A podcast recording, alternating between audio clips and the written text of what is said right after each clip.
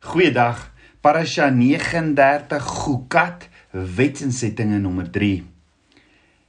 Ons het gister gesien Miriam se geloof veroorsaak dat 'n put na haar vernoem word. Kan dit wees?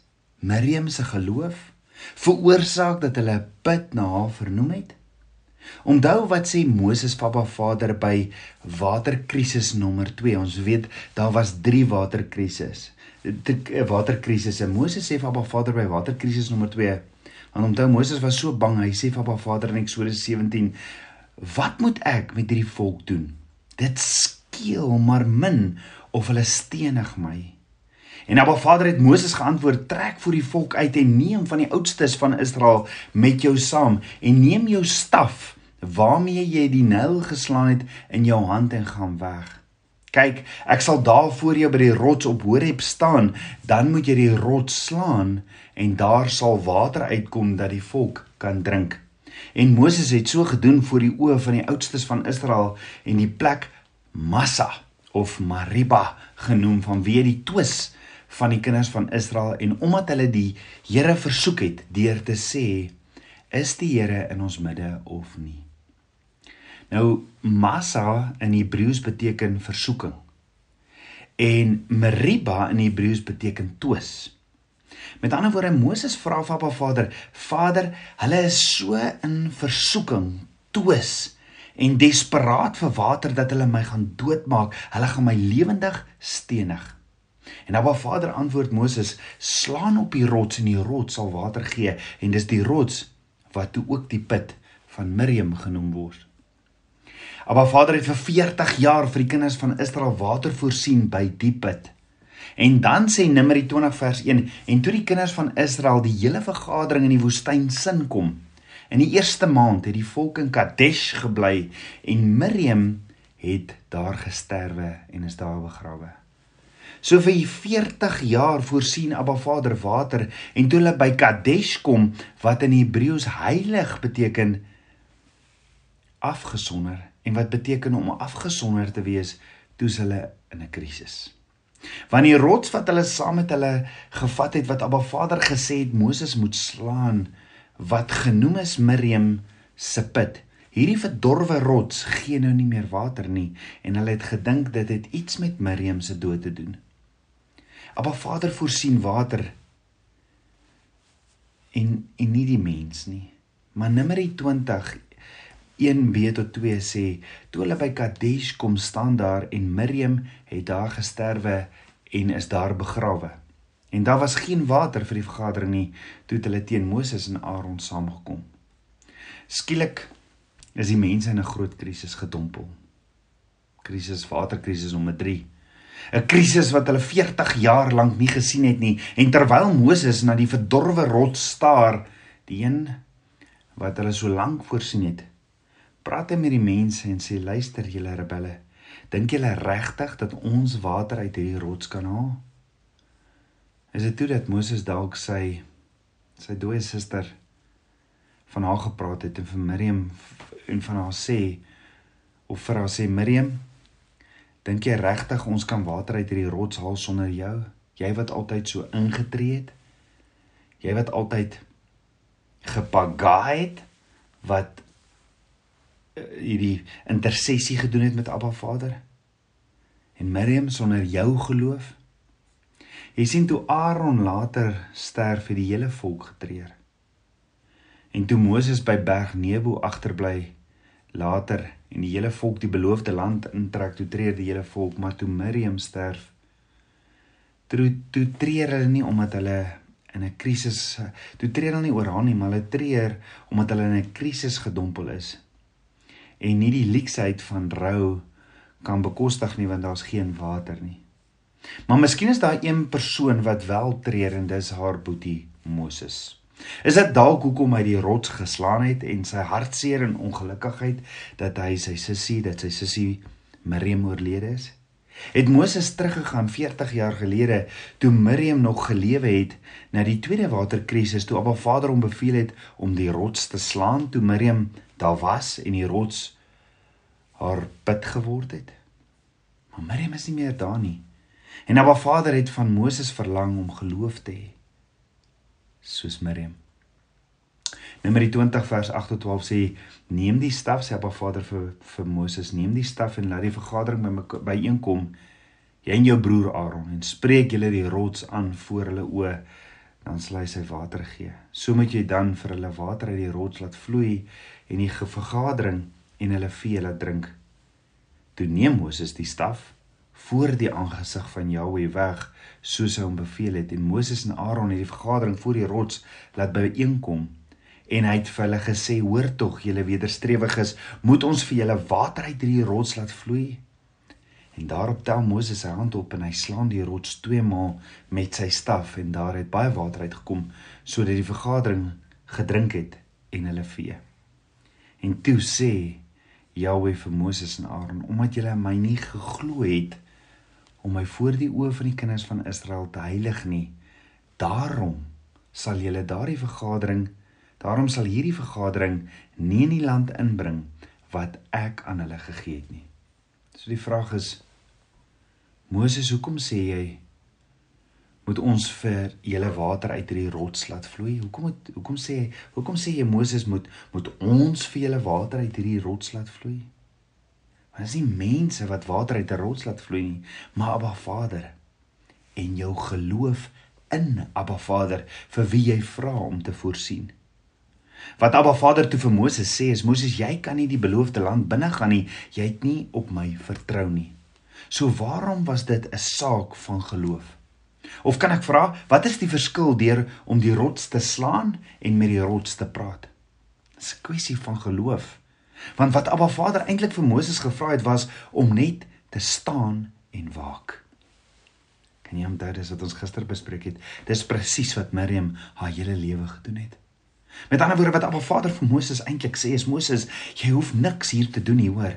Jy hoef nie eers die rots te slaan nie. Spreek 'n woord van lewe. Met ander woorde, Moses, hê geloof in my soos jou suster. Dat ek Jahweh Jireh is, die God wat sal voorsien, soos wat ek nog altyd voorsien het, Moses.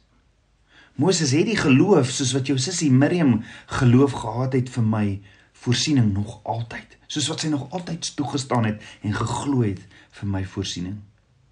Maar Vader het ook eintlik verder vir Moses gesê dat jy nie 'n wêreld waar Miriam was kunsmatig kan herhaal nie, maar jy kan leer wat dit is wat sy geleer het.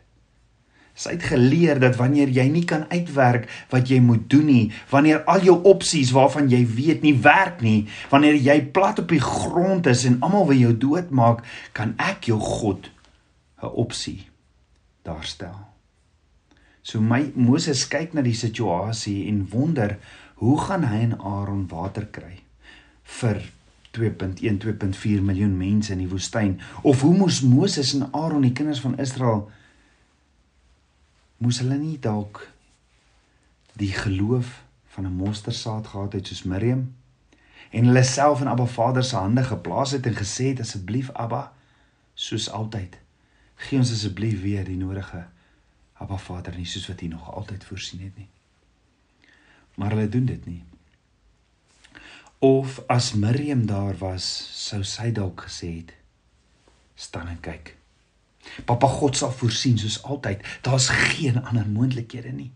Maar Abba Vader sê: "Ag, oh, maar daar is net een moontlikheid."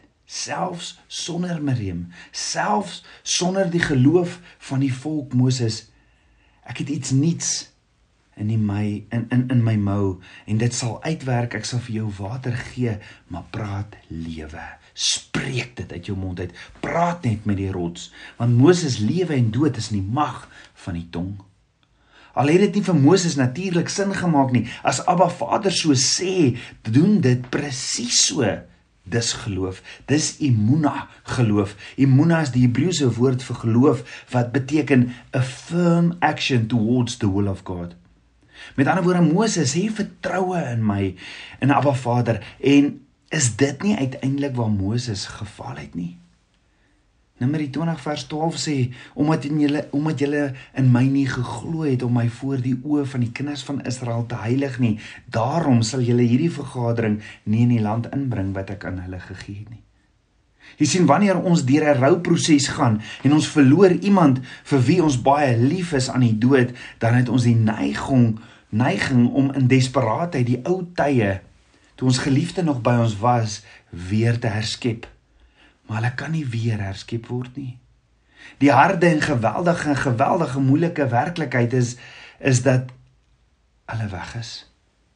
Maar jy kan nie neem wat daardie geliefde jou geleer het. Jy kan neem wat daardie geliefde vir jou geleer het en so daaraan vashou dat jy dat jy nie dat jy dat jy nie vorentoe kan beweeg nie. Miriam se put sou een laaste les leer. Hoe om sonder haar water te kry en Moses in rou oor sy sussie het homself nie toegelaat om dit te sien nie. Hoekom nie eerder in 'n tyd van geweldige seer en pyn jouself in Abba Vader se hande sit, hom vertrou, met hom praat daaroor aanhoudend sonder ophou en lewe spreek nie. Een van die temas waaroor ons in hierdie laaste week en wat die hooftema in die week se parasha is wat om te doen in die geval van dood.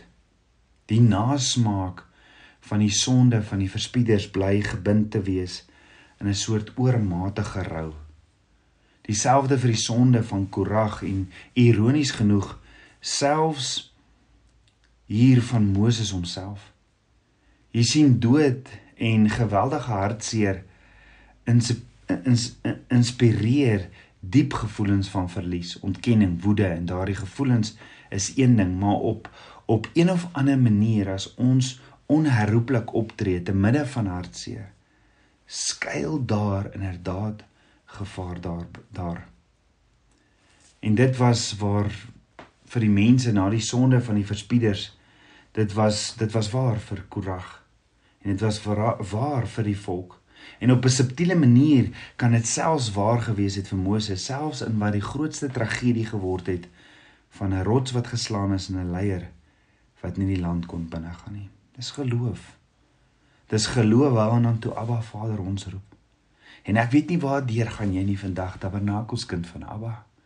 Ek weet nie waar deur gaan jy nie, maar wat ek vir jou wil vra, maakie saak hoe dors jy is nie, maakie saak hoe hoe erg die woestynomstandighede op hierdie stadium is nie. Spreek lewe, spreek die woorde wat Vader vir jou gee. Moenie moenie terug verlang, moenie terugkyk nie. Spreek die woorde wat hy vir jou gegee het. En hê geloof soos Miriam. Hou vas, hou vas aan Abba. Hy's 'n hy's 'n God met beloftes en 'n droom vir jou. Hou vas, glo in dit wat jy dalk nie sien gaan gebeur nie, want dit is geloof. Vertrou vir Abba Vader dat hy gaan deurkom vandag in jou lewe. Kom ons bid saam. Abba Vader, skieper van my hart, Abba, ek loof en ek prys U, Vader. Vader, al lyk dinge vir my my so so donker. Vader, al hoor ek nie u stem soos ek veronderstel is om te doen nie. Vader, al kan ek nie ophou om te huil nie. Al het ek nie meer trane nie. Vader, al voel dit asof daar 'n dolk in my hart is. Vader, al kom almal in opstand teenoor my. Vader, is al is ek die enigste een wat my kruis optel en u volg. Vader, ek kies om u in geloof te volg. Vader, ek kies om aan u vas te kleef in die woestyn want Abba, only you you bring the victory.